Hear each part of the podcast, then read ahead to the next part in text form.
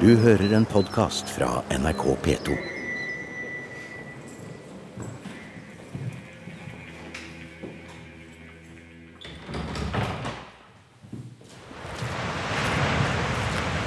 blåser i dag òg. Det gjør det, og den har jo økt på i dag for å gjenskape situasjonen sånn som det var i 1.12.1768. Så passer jo det her utmerket. Det Gjør det. Kraftige, kalde kulingkast eh, røsker i oss.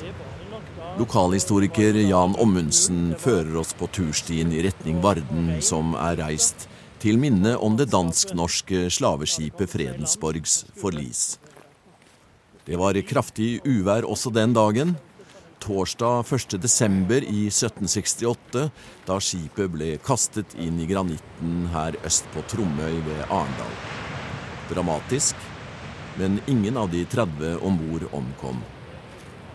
Denne hendelsen vitner om et langt større drama. Om hvordan dansk-norske skip sterkt bidro til slavehandel i den såkalte trekantfarten. Fra København med våpen, krutt og brennevin til gullkysten i Afrika. Fullastet med slaver, elfenben og litt gull videre til Karibien. Tilbake til København fullastet med sukker, elfenben og en og annen slave. Fredensborg har vært utstilling hos oss tidligere, eh, for 20 år siden. Eh, og da var det bare historien om Fredensborg som ble fortalt. og Det er jo helt, helt betimelig, siden vraket ble funnet rett utenfor her. Og det er jo en det er fascinerende at, at verdenshistorien er så lokal for oss, på en måte, og det er en veldig viktig historie å fortelle. Det er ikke så lange kjøreturen fra havsutsikten på Tromøy til Kuben museum og arkiv i Arendal. Museet åpnet en ny Fredensborg-utstilling i fjor sommer. Og historiker og rådgiver Ingvild Velure har vært prosjektleder for denne utstillingen. Norges deltakelse, Danmark-Norges deltakelse i slavehandelen på 1700-tallet er jo ikke det som er blitt flagga av høyest, liksom. Det er jo noe en ikke nødvendigvis har lyst til å snakke så mye om. Så, så, det er jo viktig å få fram den historien. Men når vi da skulle lage uh, utstillingen på nytt i 2018, uh, så ble det veldig viktig for oss å ha fokus på dagens situasjon. Uh, fordi at selv om, om sukkerplantasjene og den, den typen slaveri som en forteller om i, i den delen som handler om Fredensborgs siste reise, er, er slutt, så er ikke slaveri over. Altså det er over 40 millioner mennesker som lever i slaveri i dag. Um, og da er jo noe som en heller ikke er så bevisste på, uh, og som vi syns er viktig å, å si noe om. Uh, og da setter jo uh, Altså da gjør jo på en måte historien om Fredensborg enda viktigere og enda mer relevant, da. Nettopp det faktum at slaveri fins fremdeles. Um, så vi har en egen del som handler om dagens situasjon. Den heter 'Våre slaver', og da knytter vi an til FNs bærekraftsmål for 2030. For der er jo en av de viktige tingene som en eh, verden i fellesskap må prøve å bekjempe da, eh, fram mot 2030. Det er jo nettopp slaveri i forbindelse med fattigdom, som jo er en av de store sårbarhetskriteriene som, som gjør at folk kan havne i slaveri i dag. Da.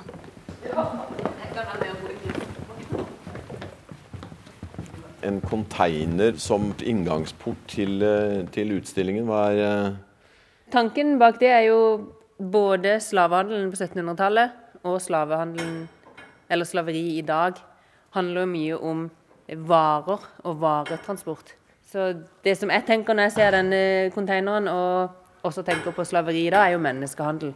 Hvordan faktisk mennesker blir smugla i sånne containere. For vi har jo inne i konteineren her, da, så er det jo da fire skjermer. Ja, vi går gjennom den konteineren, mm. åpner porten og går inn i eh, Ja. utstillingen. Ja. Og da står det på den ene siden så står det menneskere menneskerettigheter er grunnleggende rettigheter alle har, uavhengig av kjønn, alder, religion, legning eller nasjonalitet. Eh, På den andre sida i konteineren så er det fire skjermer. Og der er det på en måte levende bilder av mennesker. Noen er hvite, og noen er brune, og noen er unge, og noen er gamle, og noen er til og med barn.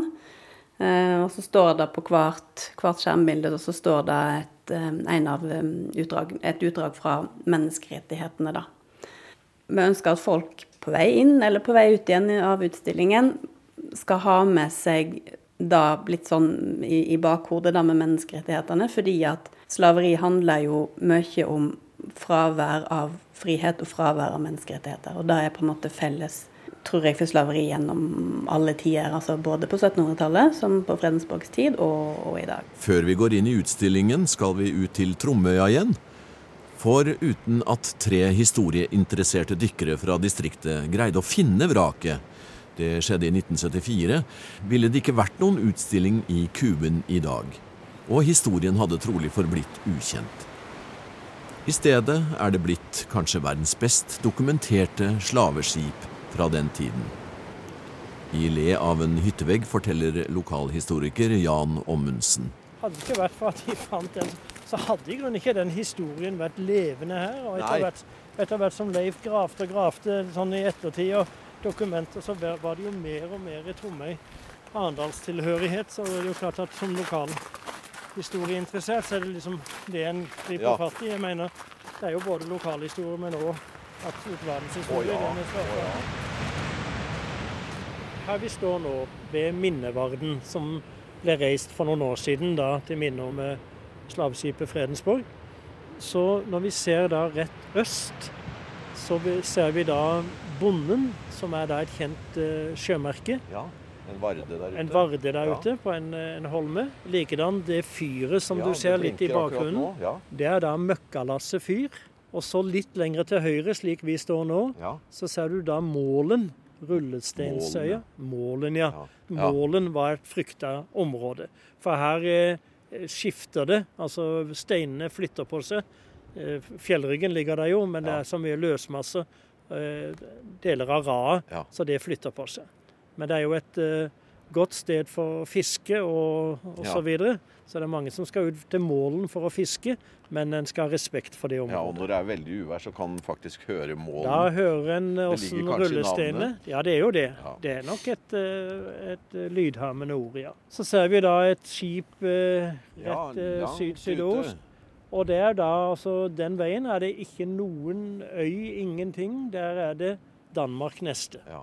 Og, og, inn her kom da uh, Fredensborg for å komme seg unna uværet. Opp der, som vi ja. ser skuta langt der oppe, ja. med kurs mot land her. Den uh, ba om assistanse med å tilkalte los.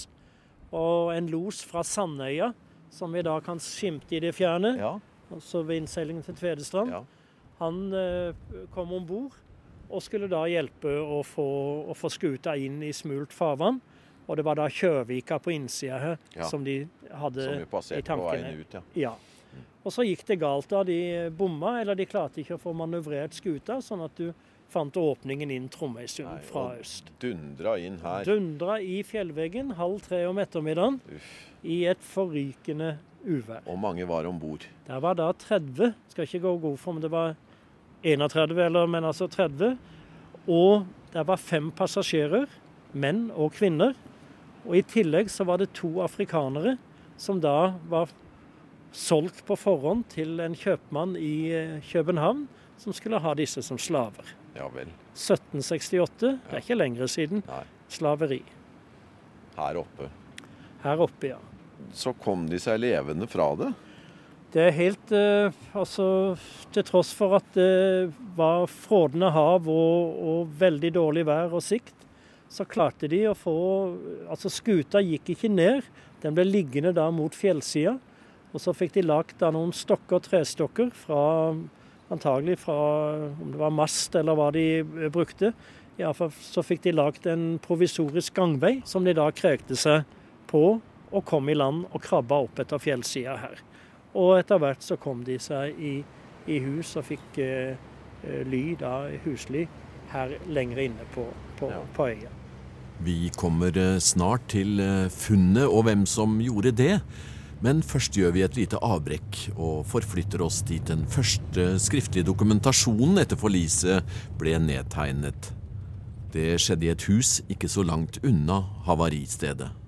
Så det var Sjøforklaringsinstitutt den gangen òg, ja? Ja, det var det. Og du vet, ellers hadde en vel ikke funnet båten, for alle Nei. dokumentene det lå jo da i arkivet Akkurat. i København.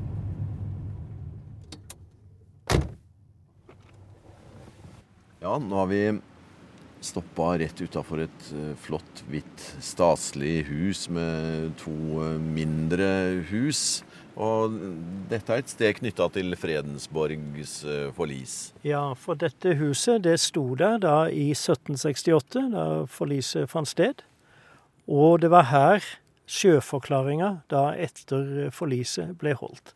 Så sjøforklaring, ja det var det også den gang? Ja da, det var system på den tida. Og hadde det ikke vært for at det var så godt system når det gjaldt sjøforklaring, eh, rettsvesen osv., så, videre, så hadde jo ikke da disse gamle protokollene og det blitt oppbevart, henholdsvis på Statsarkivet ja. eller da i Riksarkivet da i København. Så dykkerne som vi skal snakke om, som da fant eh, vraket, de hadde jo disse dokumentene som kilder for å kunne For i sjøforklaringa så står det jo sånn omtrentlig angitt hvor, hvor, de var hen da, da, de uh, traff fjellet. Så da kommer vi faktisk litt nærmere hele historien, føler jeg. I tillegg til at sjøforklaringen ble uh, holdt her, så mener jeg òg at noen av offiserene ble innkvartert her etter forliset. For de var jo til utpå vinteren i uh, 69. Det har blitt en stor historie for Tromøy og ja, men det jeg skulle Si at I utgangspunktet så, er, så, var ikke den så veldig godt kjent. Men takket være disse tre dykkerne, da, så altså Odd Keilon Osmundsen og, og, brødrene Tore og Leif Svalesen Heldigvis så var de ikke bare interessert i å dykke, de var interessert i eh, marin arkeologi. Og de studerte kildene. Og de hadde jo da lest i Hartvig Danneviks bok om uh, skipsforlis på sørlandskysten, og visste at det et, skulle være et skip i bukta her. Uh, Torkel Hansen hadde jo òg i sine bøker skrevet Han hadde til og med benevnt Fredensborg som slaveskipet Fredensborg, og det pirra jo interessen ekstra for disse dykkerne. Så de forholdt seg til de spilleregler som gjelder for å dykke på vrak, og så gjorde de et grundig forarbeid. Og så etter iherdig innsats så klarte de da å, å finne skuta. Etter samarbeid både med Aust-Agder-museet og, ellers, eh, og etter hvert òg med Sjøfartsmuseet. Det som er så prisverdig sånn i etterkant, det var jo det at de ikke, de ikke bare fant skuta, men særlig da Leif Svalesen. Han så det som en oppgave å formidle kunnskapene om forliset og om slavefarten. Og det ble en livsoppgave for han. Ja, og han eh, gjorde jo faktisk en slags botsreise. Han gjorde det. Han reiste motsatt vei, altså fredens Fredensborgs siste reise. Han var både i Karibien, og ikke minst så var han da i, eh, i Afrika. Når da dette minnevarden ble reist, så klarte han jo da å få opp folk fra de stammene i Afrika, i, på, nede på Gullkysten, nede på Ghana, som da Akvamo-folket var representert her. Så denne varden er da velsigna på spesiell afrikansk vis. Der ble da både helt litt eh, brennevin på fjellet, ja. og der ble dansa, og det var et rituale i, i nasjonalkostyme. Også da i, eh, i, skikkelig vind og blest den dagen òg. Du var til stede? Ja, det, det, så jeg på, og mange var her. Så det var en begivenhet for uh, ja. Tromøyfolk og ellers arendalsfolk. Ja. Det å finne et skipsvrak er i seg selv et lite eventyr. Som første øyevitne til fortidens tragedie øker hjertefrekvensen din, mens ivrige øyne leter etter detaljer som kan gi verdifull informasjon om funnet. Når man finner vraket av et slaveskip og bringer digre elefanttenner opp i dagen, kan lokalhistorie bli til verdenshistorie. Og her hører vi nettopp den ene av dykkerne, Leif Svalesen, som gjorde historien om slaveskipet Fredensborg til sin livsgjerning. Svalesen er gått bort, og opptaket er fra et P2-akademi som ble sendt i 2004. Men nå skal vi til utstillingen i Kuben museum og arkiver. Og det er historiker og leder for formidlingsavdelingen Fie Skaar Trysnes som forteller om Fredensborgs siste reise. Fredensborgs siste reise starta jo her i, i, København sommeren juni 1767. Og da er båten utrusta og klar til, eh, klar til avgang. Styret i Det genetiske kompani har vært om bord hos kapteinen og spist middag før den forlater eh, eller letter anke. Og i den monteren her så har vi syns vi det var viktig bare å vise noen gjenstander som, som henger sammen med hva denne handelen dreier seg om.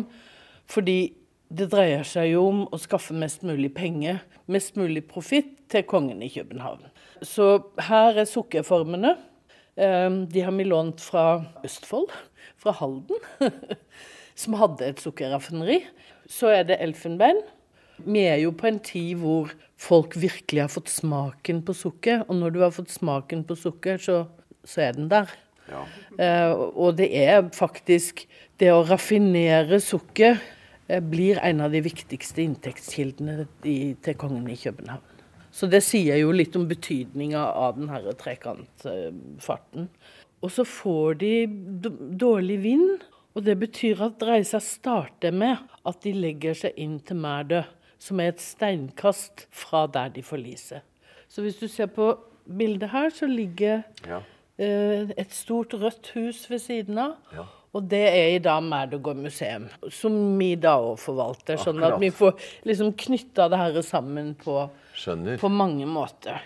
Og fra Merdø så bar det da så etter hvert Så bar det strake veien mot Vest-Afrika. Og da eh, kommer de til det som i dag er Accra, altså hovedstaden i Ghana, mm. og det store danske fortet Christiansborg.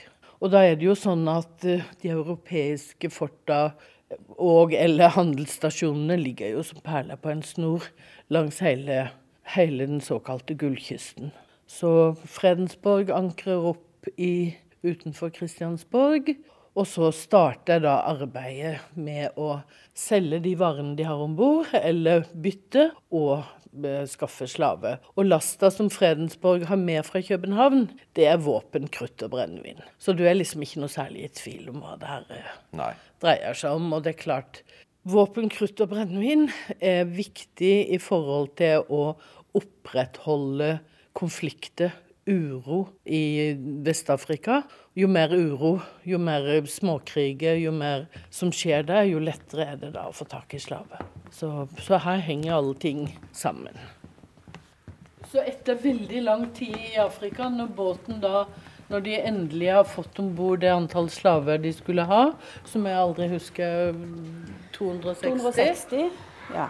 260 og, og, så, og der er det ni små jenter tror jeg. Og ja. Sånn at det er jo ikke bare voksne heller. På den strekninga da fra Vest-Afrika over til Karibia. Her er da brennjernet eh, Mens når slavene venter i innhegningene for å komme om bord, så blir alle slavene eh, brennmerka. Og Det guineiske kompani har et brennjern som er forma som et hjerte, med en S inni. Og alle slavene ble da brennmerka på det høyre låret. Eh, og her er da og kopi eh, av de fotlenkene som ble brukt om bord på Fredensborg. Det er ganske ufyselig. Du kommer ganske tett du kommer ganske tett innpå det. Å stå her og se altså. dette jernet og tenke ja. at det har uh, svidd seg inn i menneskelegeme. Ja. Og, for, og for, for, slavene så er det første gangen de blir brennmerka, men så skjer det jo om igjen og om igjen. Fordi brennmerkinga er jo en måte å vise hvem, hvem, du tilhører. Så når de kommer til plantasjene, så får de jo nye, nye merker. Men med så mange slaver eh, lenka fast, hvordan fikk de mata dem, og i det hele tatt, hvordan håndterte de dem på veien? Det er jo et paradoks, fordi på den ene sida så er det veldig viktig at flest mulig slaver kommer fram til bestemmelsesstedet i best mulig forfatning. Eh, og på den andre sida så vet vi jo at måten de blir behandla på, gjør ikke at det blir enkelt. Men vi har en modell av Fredensborg som er bygd etter en samtidig akvarell. Og her Det er den vi ser her nå, ja? Ja, og her kan vi se ganske tydelig at det er meninga at slavene skal opp på dekk opptil flere ganger om dagen når været tillater det. Ja, Hvordan eh, kan vi se det? Vi ser det fordi det er en eh, ildfyrt komfyr til matlaging. Ja, den står bortpå babordet. Ja, og, og, vi ser at eh, det er bygd opp høye, doble gjerder eh, på, på ja. begge sider, og en skansekledning midt på med små kanoner som peker eh, forover. Og, og, det er da de mannlige slavene som er på den, på den delen av, av, skipet, mens kvinnene og barna um, er akterut og har, og har det nok litt friere. Alt det grusomme du kan tenke deg skjer når de da blir kjøpt opp til sukkerplantasjene. Det å dyrke sukkerrør er veldig arbeidintensivt, sånn, og det er jo derfor behovet for slaver er så stort. Og raffineringa skjer jo i København. Eh, og når de da, når de da kommer fram til St. Croix, så er det jo da da er de midt i, i sukkerets rike. Markeds- og arrangementsansvarlig Hilde T. Jomås er også med oss i utstillingen på Kuben museum og arkiv. Her har vi et eksempel på nesten tortur. Hvis du, de fester denne klaven rundt halsen på dem. Ja, og så I sukkerplantasjen var de så tett tett med planter, så når, hvis du prøvde å løpe, så hekta jo disse her seg fast. Så det var liksom en ah. måte å hvis du var en litt, de, kanskje en litt oppstandasig slave. De hadde det på, på, mens de jobba? Jeg, jeg, tror ikke alle hadde det på, men jeg tror de som kanskje hadde prøvd å rømme eller var litt vanskelig å ha med å gjøre, fikk på sånn. For da klarte du ikke å løpe, for du hang deg fast i greiner og alt sånt. Det å holde kontroll eh, enormt viktig. På samme måte som på skipet, hvor de var livredde for at slavene skulle klare å gjøre opprør. Slaveskipet Fredensborg var eh, bare 31 meter langt og etter 200 år på delvis grunt vann var det ikke mye igjen av selve skipet da det ble funnet. Et par biter av bordgangen, noen jernbeslag og flere elfenbenstenner og en mahogniplanke. Og noen stykker av en tresort som ble brukt til fremstilling av farger. Men det hadde altså vært stuet 260 slaver om bord på andre etappe av denne turen. Var det ingen som reagerte Uh, de gjør jo det. Det er jo og, altså Mot slutten av 1700-tallet så begynte det jo en sånn gryende opinion mot uh, dette systemet her, da. Og det ble jo skrevet en del altså samtidsberetninger om hvor, hvor ille folkene, altså slavene, som òg er mennesker, ble, ble behandla. Så da begynte det jo å skje noe. Um, men, men tidligere tidligere på 1700-tallet så, så, var det mindre, mye mindre forståelse eller mye mindre oppfatninger om at det var noe galt. Altså det var et system som var sånn, og det var en, en vare som en handla med, og så var det arbeidskraft som framstilte varer en trengte, og da Ja vel, da måtte det være sånn, liksom. Men på slutten av 1700-tallet så, så var det en endring. Det endrer seg, og de første, altså de første eh, på å si, aktive opinionsgruppene og, og de første forsøka på, på nye lover for å forby det herre, kommer jo på slutten av 1700-tallet. Så noen har hatt fryktelig dårlig samvittighet og hatt fryktelig behov for å, å peke på det herre. Og heldigvis, på et eller annet tidspunkt, så blir i hvert fall den type slavehandel som vi har sett her på 1700-tallet, en saga blått. Ja, for Det første som skjedde, var jo at det var liksom gradvis selvfølgelig, endring i opinion og i, i, med lover og sånn. Eh, det første som skjedde, var at det ble forbud mot å frakte eh, slaver på f.eks. dansk-norske skip. Der var eh, Danmark-Norge mener, mener, jeg var det første mm, landet som, som forbød det. Det var vel i 1802 det ble forbudt. Men da var det jo en veldig oppgang i, i tiåret før. For da måtte en jo skaffa seg mest mulig fra eh, slaver mens det fortsatt var lov. Det var en overgangsperiode, rett og slett. Ja. Og så var det ikke som om det da var slutt på slavehold i, i 1802, men da måtte en på en måte sørge for at slavene hadde det såpass greit at de kanskje formerte seg, sånn at en kunne få en naturlig tilskudd til, til arbeidsstokken. da. Her skifta utstillingen karakter ja, fra til en helt annen tid.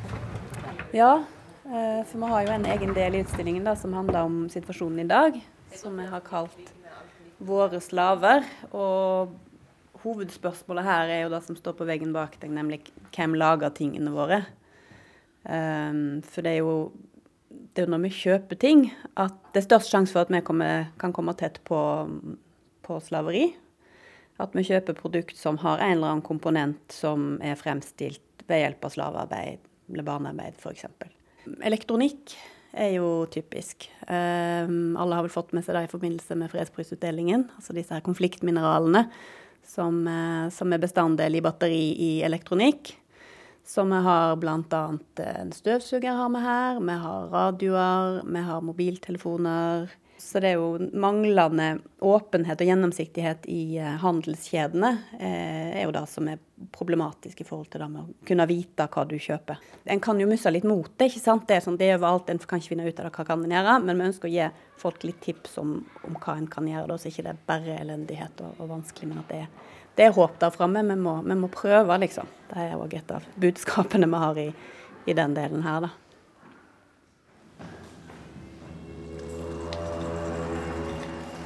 Du har hørt en podkast fra NRK P2.